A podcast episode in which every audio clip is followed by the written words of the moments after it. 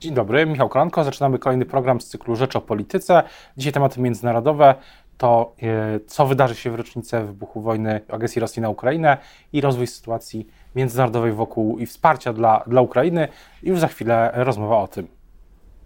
Dzień dobry Państwa i moim gościem jest dzisiaj Marcin Przydacz, szef Biura Polityki Międzynarodowej w Kancelarii Prezydenta, minister w Kancelarii Prezydenta. Dzień dobry. Dzień dobry Panie redaktorze, dzień dobry Państwu. Zacznijmy może od tej koalicji sprzętowej wokół Ukrainy dla y, uwolnienia leopardów, jak to się przyjęło mówić.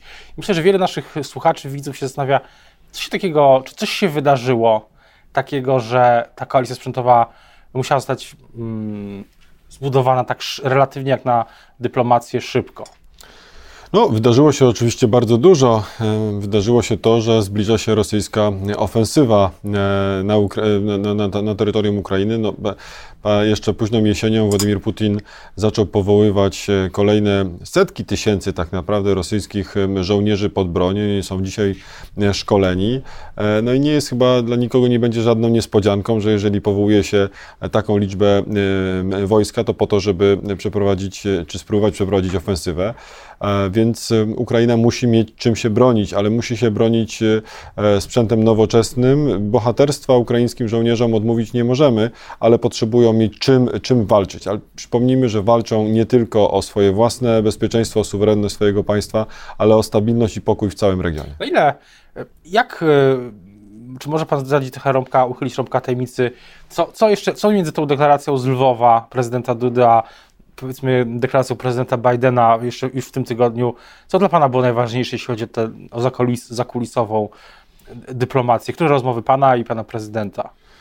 Panie redaktorze, no tych rozmów było bardzo, bardzo dużo. W tym czasie miała miejsce konferencja Światowe Forum Ekonomiczne w Davos. Pan prezydent był tam bardzo aktywny, rozmawiał z szeregiem polityków, e, od sekretarza generalnego NATO począwszy, przez e, polityków amerykańskich, kanadyjskich i zachodnio, zachodnioeuropejskich, także i e, z szefową wspólnoty wywiadowczej amerykańskiej, z, z panią Avril Haines, więc tych rozmów było bardzo dużo.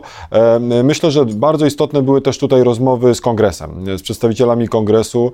Ja mam głęboką satysfakcję z tego, że udało się na marginesie tej, tej wizyty w Davos do tych rozmów doprowadzić. Kongres ma e, niebagatelne znaczenie w amerykańskim systemie politycznym i e, jeżeli na e, cośkolwiek prezydent Biden ogląda się podejmując decyzję, to w pierwszej kolejności na pewno na reakcję w kongresie, więc ta, ta współpraca i ta rozmowa była tutaj bardzo ważna. Przedstawiał pan prezydent to, jak wygląda aktualna rzeczywistość na wschód od naszych granic, co my już zrobiliśmy, bo przypomnijmy, rozmawialiśmy tutaj o dziesiątkach czołgów Leopard, ale Polska oferowała, zaoferowała już wcześniej prawie 300 własnych czołgów w Ukrainie, więc my mamy tutaj absolutnie mandat do tego, żeby być twardym, twardym graczem, więc te rozmowy jak najbardziej, no i oczywiście także i rozmowy bezpośrednie z Niemcami i e, z, z naszymi partnerami zachodowymi.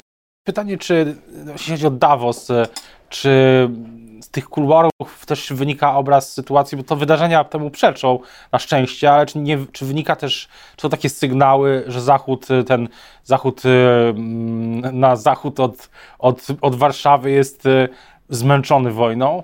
Były pytania, jak to, jak zakończyć, kiedy to się skończy i tak dalej? W momencie, kiedy e, e, e, Rosja zaatakowała Ukrainę, no pojawiały się takie głosy, że no dziś jesteśmy zjednoczeni. No, rzeczywiście Władimir Putin nie docenił naszego zjednoczenia. Polska zresztą o, to, o, to, o tą wspólną reakcję, nad tą wspólną reakcją pracowała jeszcze przed wojną, mając świadomość, że ta wojna następuje. Pan, pre, pan premier wówczas jeszcze, ale także i pan pre, prezydent odbyli szereg wizyt po to właśnie, żeby przygotować wszystkich polityków, wszystkich liderów do tworzenia tej koalicji. I wówczas się pojawiła pojawiała taka obawa, no, no dziś jesteśmy zjednoczeni, ale było często tak, że po jakimś tygodniu, dwóch, trzech miesiącach e, ta, ta jedność się gdzieś tam e, zatracała. E, no jesteśmy prawie, prawie rok po, po wojnie i nie ma absolutnie co do tego żadnych obaw, że ta jedność może się zakończyć, czy, czy, czy ta wspólna reakcja. Oczywiście pojawiają się głosy, a to w jednym miejscu, a to w drugim, ale kluczowe jest tutaj znaczenie i głos Stanów Zjednoczonych. Stany Zjednoczone są absolutnie zdeterminowane do tego, żeby aby wspierać e, Ukrainę, a i kluczowy jest też głos Europy Środkowo-Wschodniej w tym Polski. Wielu dziennikarzy, publicystów zachodnioeuropejskich mówi, że, że Polska dzisiaj nadaje ton polityce europejskiej, jeśli chodzi o tą politykę wschodnią. Powiedział Pan, że, że środek ciężkości, takie są też głosy publicystyczne, że środek ciężkości NATO, czy w ogóle, że polityki e, bezpieczeństwa się przenosi do, do Europy Środkowo-Wschodniej, tylko do Warszawy, też do Tallina, do, e, do innych stolic regionu, do, do Finlandii na przykład. E, tak, uważam, że tak właśnie jest, że środek ciężkości, zwłaszcza w kontekście polityki bezpieczeństwa, polityki wschodniej, przenosi się e, na wschód Europy czy do, do Europy Środkowej i Warszawa ma tutaj absolutnie kluczowe znaczenie, ale dlatego, że jesteśmy wiarygodni po prostu w tym. To my przed tą wojną mówiliśmy, Władimir Putin się zbroi. I nie, nie mówię tylko o ostatnich e, tygodniach, ale przecież no, jeszcze Lech Kaczyński prawda, o tym mówił. E, okazało się, że nasza analiza jest słuszna, to, ale tuż przed wojną mówiliśmy, zbroi się Władimir Putin, za chwilkę będzie e, atak. Ci, którzy mówią, nie, nie, to jest jakaś tam, prawda, wasze tylko rusofobiczne wyobrażenia. Zresztą e, są też e, środowiska w Polsce liberalno-lewicowe, które te, tych głosów nie powtarzają. To wy, konserwatywny rząd PiSu, macie jakieś, jakieś takie lekkie urojenia antyrosyjskie. Mówiliśmy, nie, to są twarde fakty. Później się okazało, że mieliśmy rację. Następnie dostarczanie broni, to my jako pierwsi zainicjowaliśmy te, e, te, te, ten proces. Dyskusja o migach, dyskusja o naszych, e, o naszych czołgach. W końcu dyskusja o patriotach. No, okazało się, że jest możliwe przekazywanie patriotów, tak jak mówił pan prezydent, jak mówił rząd, e, rząd Zjednoczonej Prawicy w, w Polsce. No, były takie głosy, które mówiły, że absolutnie to śmieszne, no, nic się nie da. Dało się, więc za każdym razem pokazujemy naszą skuteczność i to rzeczywiście pokazuje, że ten środek środek ciężkości, my wyznaczamy e, pewien kierunek, do którego się e, czasami chcąc, nie chcąc dostosowują inni. Jest pytanie o przyszłość. E, minister, rząd Ukrainy zapowiada już kolejną rundę, kolejne spotkanie w Ramstein to tej właśnie tej koalicji wsparcia dla, dla Ukrainy. Myślę, że kolejnym krokiem będzie przekazanie samolotów wielozadaniowych Ukrainie, na przykład Gripenów. Tak, panie redaktorze, na pewno ta tematyka będzie się pojawiać w najbliższym czasie. Musimy być na nią przygotowani, no bo dzisiejsze pole walki to nie tylko, tak jak mówię, bohaterstwo i determinacja żołnierzy, to najnowocześniejszy sprzęt, sprzęt ciężki, artyleria, rozpoznanie, a czołgi, ale także i walka w powietrzu i to e, i ta dominacja w powietrzu. No Ukraina w pierwszych miesiącach wojny rzeczywiście miała pod tym względem bardzo trudną sytuację, prawda, ze słabym lotnictwem, słabą obroną przeciwrakietową, dlatego między innymi mówiliśmy o tych o patriotach, prawda, które będą chronić przed, przed uderzeniami rakietowymi na infrastrukturę krytyczną, na infrastrukturę cywilną. Na pewno Ukraińcy będą chcieli rozpocząć teraz dyskusję o wsparciu ich w zakresie sprzętu e, e, samolotów wielozadaniowych. Zobaczymy, jak ta dyskusja się potoczy, ale też zobaczymy, jakie są rzeczywiste potrzeby strony ukraińskiej, no bo jasnym jest, że chciałoby się mieć jak najwięcej, ale to nasi analitycy będą analizować, co tak naprawdę Ukraina Ukraina dzisiaj potrzebuje no, też. Jest y, taka nieoficjalna informacja, że polskie migi już trafiły do, na Ukrainę w, do Ukrainy w, części, w częściach. Panie redaktorze, e, nie mam, nie, nie, nie, nie będę jakby potwierdzał tego typu, e, tego typu informacji. Fakt faktem jest, że w, w ostatnich e, miesiącach i latach no, wspieraliśmy Ukrainę w, w, w możliwie szerokim strumieniem wsparcia także i militarnego w zakresie różnego rodzaju sprzętu, ale także i części zamiennych, więc tutaj to wsparcie naprawdę było bardzo szerokie. Wydaje mi się, że warto też zapytać przyszłość, też pewnie z takimi pytaniami w Davos, czy czy i pan, i pan prezydent y, się spotykali. Po pierwsze, czy ile to jeszcze, po, jak, jak długo ta wojna może potrwać? I wiadomo, że najwięcej prawdopodobnie zależy nie tylko od wsparcia dla Ukrainy, ale od tego, co się dzieje na, na Kremlu. Ale druga rzecz jest taka, jak, jak ją, czy, czy jak można ją wygrać? Czy nie jest tak, że to są w zasadzie trzy, trzy pytania, czy nie jest tak, że jesteśmy skazani na taki zamrożony konflikt, tylko na gigantyczną nie, ab skalę? Absolutnie nie, nie będzie żadnego zamrożonego konfliktu, e, a, a przynajmniej nie jest on w żaden sposób w interesie nas e, wszystkich. No, są tacy oczywiście, byli tacy, którzy już zamrozili konflikt, zamrozili konflikt w Gruzji, zamrozili konflikt w Donbasie wokół Krymu. Format normandzki, prawda, Angela Merkel zresztą wówczas popierana, to, to działanie przez polski rząd, choć polskiego rządu wówczas w 2014 roku w ogóle do tych rozmów nie, do, nie dopuszczono, więc zobaczmy jaka jest dzisiaj różnica. Dzisiaj my nadajemy ton, wówczas sytuacja w sąsiednim państwie na Ukrainie w ogóle Polski czyli, czyli nie jak, było. Czyli od czego zależy Jaki jest scenariusz? Zamrożonego konfliktu być, być absolutnie e, nie może. E, są oczywiście e, różne strategie. Ros, rosyjska strategia na pewno nie zmieniła się. Gol, cel się nie zmienił. Oni nadal chcą zdominować całą Ukrainę. Myślę, że liczą na zmęczenie Zachodu, myślę, że liczą na rozbicie tej jedności, dlatego musimy tak nad nią pracować. I jest to trochę taka wojna na, na, na wyczerpanie zapasów, wojna na wykończenie, war of attrition, prawda, że Rosja mając świadomość, że jest większa od Ukrainy, chce jakby doprowadzić do sytuacji wyczerpania zapasów, ale ale Ukraina ma wsparcie ze strony Zachodu, więc ta e, strategia w moim przekonaniu jest z góry skazana na porażkę. Na, natomiast ja też nie wiem, jak długo ta wojna potrwa. Naprawdę nie jest to dzisiaj do przewidzenia. W każdym momencie, w każdym momencie, e, kiedy rosyjska ofensywa się załamie, może też do, do, dojść do jakichś wewnętrznych przemian w Rosji, które które spowodują zmianę podejścia. Z, z dzisiejszym podejściem Władimira Putina ta wojna będzie kontynuowana. A co do zmiany strategii, czy jest jakaś zmiana strategii, jeśli chodzi o Stany Zjednoczone? Bo przekazanie Abramsów, które, o których ogłosił prezydent Joe Biden, wydaje się takim kolejnym krokiem, który jeszcze kilka nawet miesięcy, czy yy, może, przed, może jeszcze, no nie wiem, przed dostarczeniem HIMARSów, wydawałoby się, że dostarczanie czołgów jest w ogóle abstrakcją. Jest to pewnego rodzaju proces e, i E, I, i pamię, sobie taką rozmowę z jednym z moich amerykańskich kolegów w Waszyngtonie, kiedy zachęcaliśmy właśnie do kwestii patriotów. On mówi: Słuchaj, zobacz, no naprawdę, zobacz, jak dużo się zmieniło. E, przed wojną to wy mówiliście, że trzeba dawać duży sprzęt, że, że trzeba silnie reagować. No, my jako Zachód dawaliśmy tam ręczny wyrzutnie, tak? A dzisiaj rozmawiamy już nie tylko o artylerii, ale rozmawiamy o systemach Patriot i czołgach Abrams. Zobacz, jak dużo się już udało zmienić e, w podejściu i Waszyngtonu, i innych stolic europejskich. Więc e, jestem przekonany, że ta, że ta zmiana będzie postępować. Strategia amerykańska wynikała z braku, w moim przekonaniu, takiej pełnej wiary w, w, w to, że państwowość ukraińska jest na tyle silna, że jest w stanie e, się obronić. Może nawet nie amerykańska, to zachodnioeuropejska. Prezydent Duda mówił od samego początku, nie wierzcie w te bajki, że Ukraina padnie w trzy dni, że Władimir Zeleński ucieknie i tak dalej. Nie będzie nic z tych rzeczy, Ukraina się obroni, ja w to głęboko wierzę. Wtedy był jednym z naprawdę niewielu, ale to też pokazało naszą jakby podmiotowość i naszą wiarygodność, bo jak się okazało, że to jest prawda, no to rzeczywiście, no prezydent Duda miał rację jest y, fakt, który jest odnotowywany, że Polska przekazuje, przekazuje, przekazała bardzo dużo już sprzętu i też pytanie na przykład, czy y, gdy będzie pan rozmawiał w Waszyngtonie w przyszłym tygodniu, jak rozumiem, jest planowana pana wizyta tak, w stolicy prawda. Stanów Zjednoczonych, to też będzie pan rozmawiał o tym, jak Amerykanie mogą nas wesprzeć tutaj w Polsce, uzupełnić no, te braki, które się pojawiły, czy pojawiają.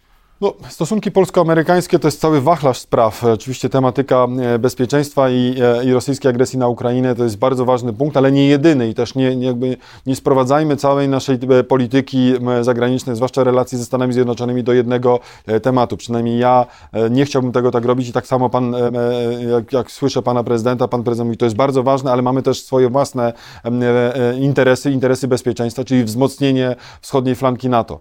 Latem odbywa się szczyt szczyt e, natowski w Wilnie. Chcielibyśmy, aby te zobowiązania, które zostały podjęte na zeszłorocznym szczycie w Madrycie, zostały w, w, w końcu implementowane, no bo czas leci, a pewne rzeczy nie zostały zrealizowane, więc będziemy, będę, będę oczywiście rozmawiał o, o tych zagrożeniach, możliwych scenariuszach ze wschodu, ale przede wszystkim będę rozmawiał o tym, jak wzmocnić wschodnią flankę NATO, w tym sensie w, Pols w Polskę. Będziemy pokazywać, co my już zrobiliśmy dla wzmocnienia e, e, polskiej, polskiej armii, co pan premier Błaszczak, no to, to zakupy są naprawdę mm, spektakularne, ale jak wzmacniać dalej w kontekście energetycznym, w kontekście gospodarczym, w kontekście walki z dezinformacją, no bo przecież wiemy, że Rosjanie wykorzystują też e, pewne elementy do dezinformowania, jak choćby ostatnią e, no, haniebną wypowiedź ministra Radosława Sikorskiego oskarżającą e, Polskę o chęć udziału.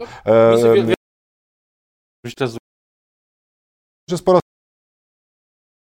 kolejny przedmiot rozgrywki rosyjskiej propagandy.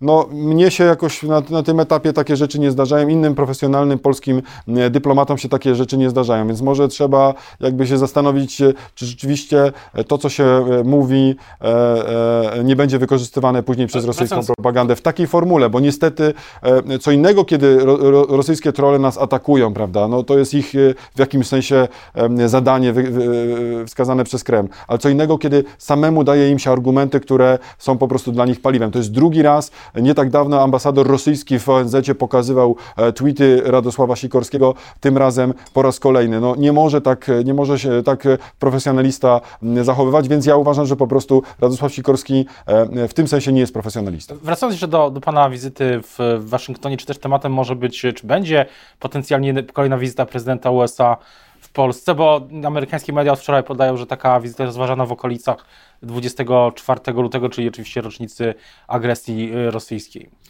No, w naturalny sposób media rozważają możliwe, możliwe scenariusze. E, ja przypomnę, że, że prezydent Biden był w Polsce w zeszłym roku, wbrew też wszystkim różnego rodzaju krytykom, prawda, jakoby te relacje polsko-amerykańskie miały być już, no tylko pan Radosław Sikorski może je uratować, prawda, Byli ta, były takie głosy e, na, na opozycję, rozumiem, tymi tweetami, prawda, które są wykorzystane przez, przez Rosjan. E, Joe Biden był w Polsce, miał bardzo dobrą był wizytę, rozmowę z prezydentem Dudą. Zeszły rok to był rok, jak sam sam Antony Blinken, sekretarz stanu, mówi najlepsze relacje e, polsko-amerykańskie ever w historii. Więc e, bardzo intensywne była Kamala Harris, był sekretarz Austin, był sekretarz Blinken. No tych, tych, tych spotkań było bardzo dużo, e, więc nie możemy narzekać na brak kontaktów, także i telefonicznych. Rozmawiamy także o możliwych, o możliwych przyszłych, przyszłych kontaktach w różnej formule. Wielostronnej, dwustronnej. Wprost pan tego nie może wykluczyć, że prezydent przyjedzie w tym roku do, do Polski. Nigdy nigdy nie mogę wykluczyć żadnej wizyty, jeśli chodzi o relacje e, e, Warszawy z Waszyngtonem. Jasnym jest, że znaczy byłoby to e, jakby zupełnie niezrozumiałe, gdyby, gdyby, gdyby polska dyplomacja nie zabiegała jak najlepsze relacje w Waszyngtonie. Byłoby też zupełnie niezrozumiałe wykluczanie jakichkolwiek wizyt, zwłaszcza w relacjach polsko-amerykańskich. Na koniec jeszcze pytanie o przyszłość, bo rozmawialiśmy o przyszłości scenariuszy wojny, ale co, co po wojnie, bo są głosy też ze strony opozycji, pan Paweł Kowal, poseł, poseł Platformy Koalicji Obywatelskiej, z którym rozmawiałem niedawno, mówił, że potrzebny jest nowy traktat, e, taki strategiczny traktat o współpracy i bezpieczeństwie gospodarce z Ukrainą po wojnie, który miałby te relacje ustrukturyzować na nowy sposób. Taki traktat będzie, jest przygotowywany? Panie redaktorze, no trochę trzeba panu posłowi Kowalowi powiedzieć, żeby nie wyważał otwartych drzwi. Znaczy pan, pan prezydent, może umknęło to panu e, Pawłowi Kowalowi, e, pół roku temu w Kijowie zapowiedział, e, podczas swojej wizyty w Kijowie w Werchownej Radzie, pan prezydent zapowiedział, że będzie negocjowany nowy traktat polsko-ukraiński, nowy traktat o relacjach dobrosąsiedzkich, bo ten z początku początku lat 90. w tym sensie wyczerpał się już, że dziś jesteśmy w zupełnie innej sytuacji polsko-ukraińskiej. Zupełnie inaczej te relacje się układają, także i na poziomie e, międzyludzkim. Kancelaria prezydenta zaproponowała pewnego rodzaju e, e, treść w zrębach. No, od tego jest Ministerstwo Spraw Zagranicznych, żeby, żeby dopracować ten, ten projekt.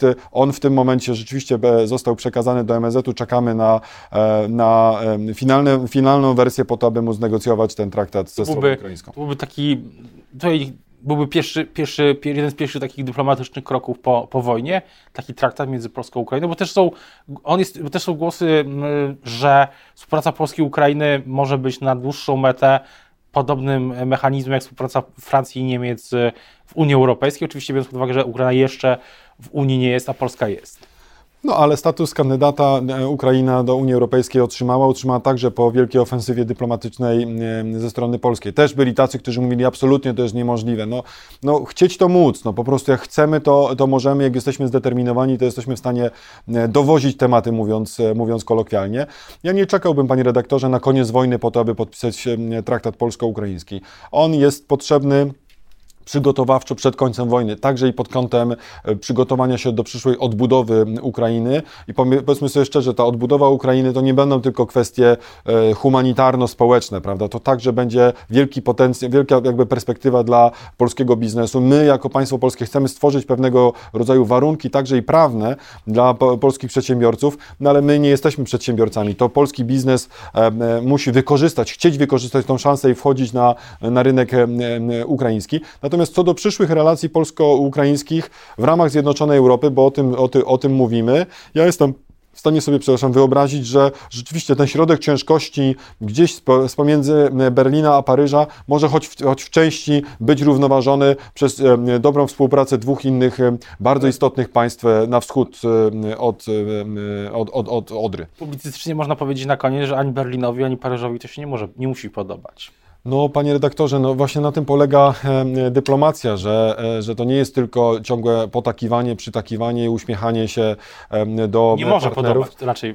Do, do, do, partnerów. To jest ważne, żeby starać się mieć jak najlepsze relacje, ale też jest ważne walka o swoje własne interesy. No, my nie chcemy w żaden sposób dominować zachodniej Europy. Jeśli już, to chcemy, aby nas nie dominowano, żebyśmy po prostu byli normalnym, podmiotowym państwem w sojuszu ale z całą pewnością ta deklaracja prezydenta Zeleńskiego, który e, kiedyś powiedział publicznie w polskim Sejmie, że razem nas, Polaków i Ukraińców jest tam 90 milionów, na pewno nie umknęła uwadze e, części z naszych partnerów na zachód. Nasze e, Rzeczpospolitej na pewno i też będziemy śledzić i Pana wizytę w Waszyngtonie, oczywiście potencjalną wizytę prezydenta, mm, hipotetyczną wizytę prezydenta USA w Polsce, jak i to wszystko, co się, będzie, co się dzieje wokół, wokół tej ofensywy sprzętowej. Teraz bardzo już dziękuję za rozmowę Państwa i moim Gościem dzisiaj był Marcin Przydacz, minister w Kancelarii Prezydenta i szef Biura Polityki Międzynarodowej w Kancelarii Prezydenta RP.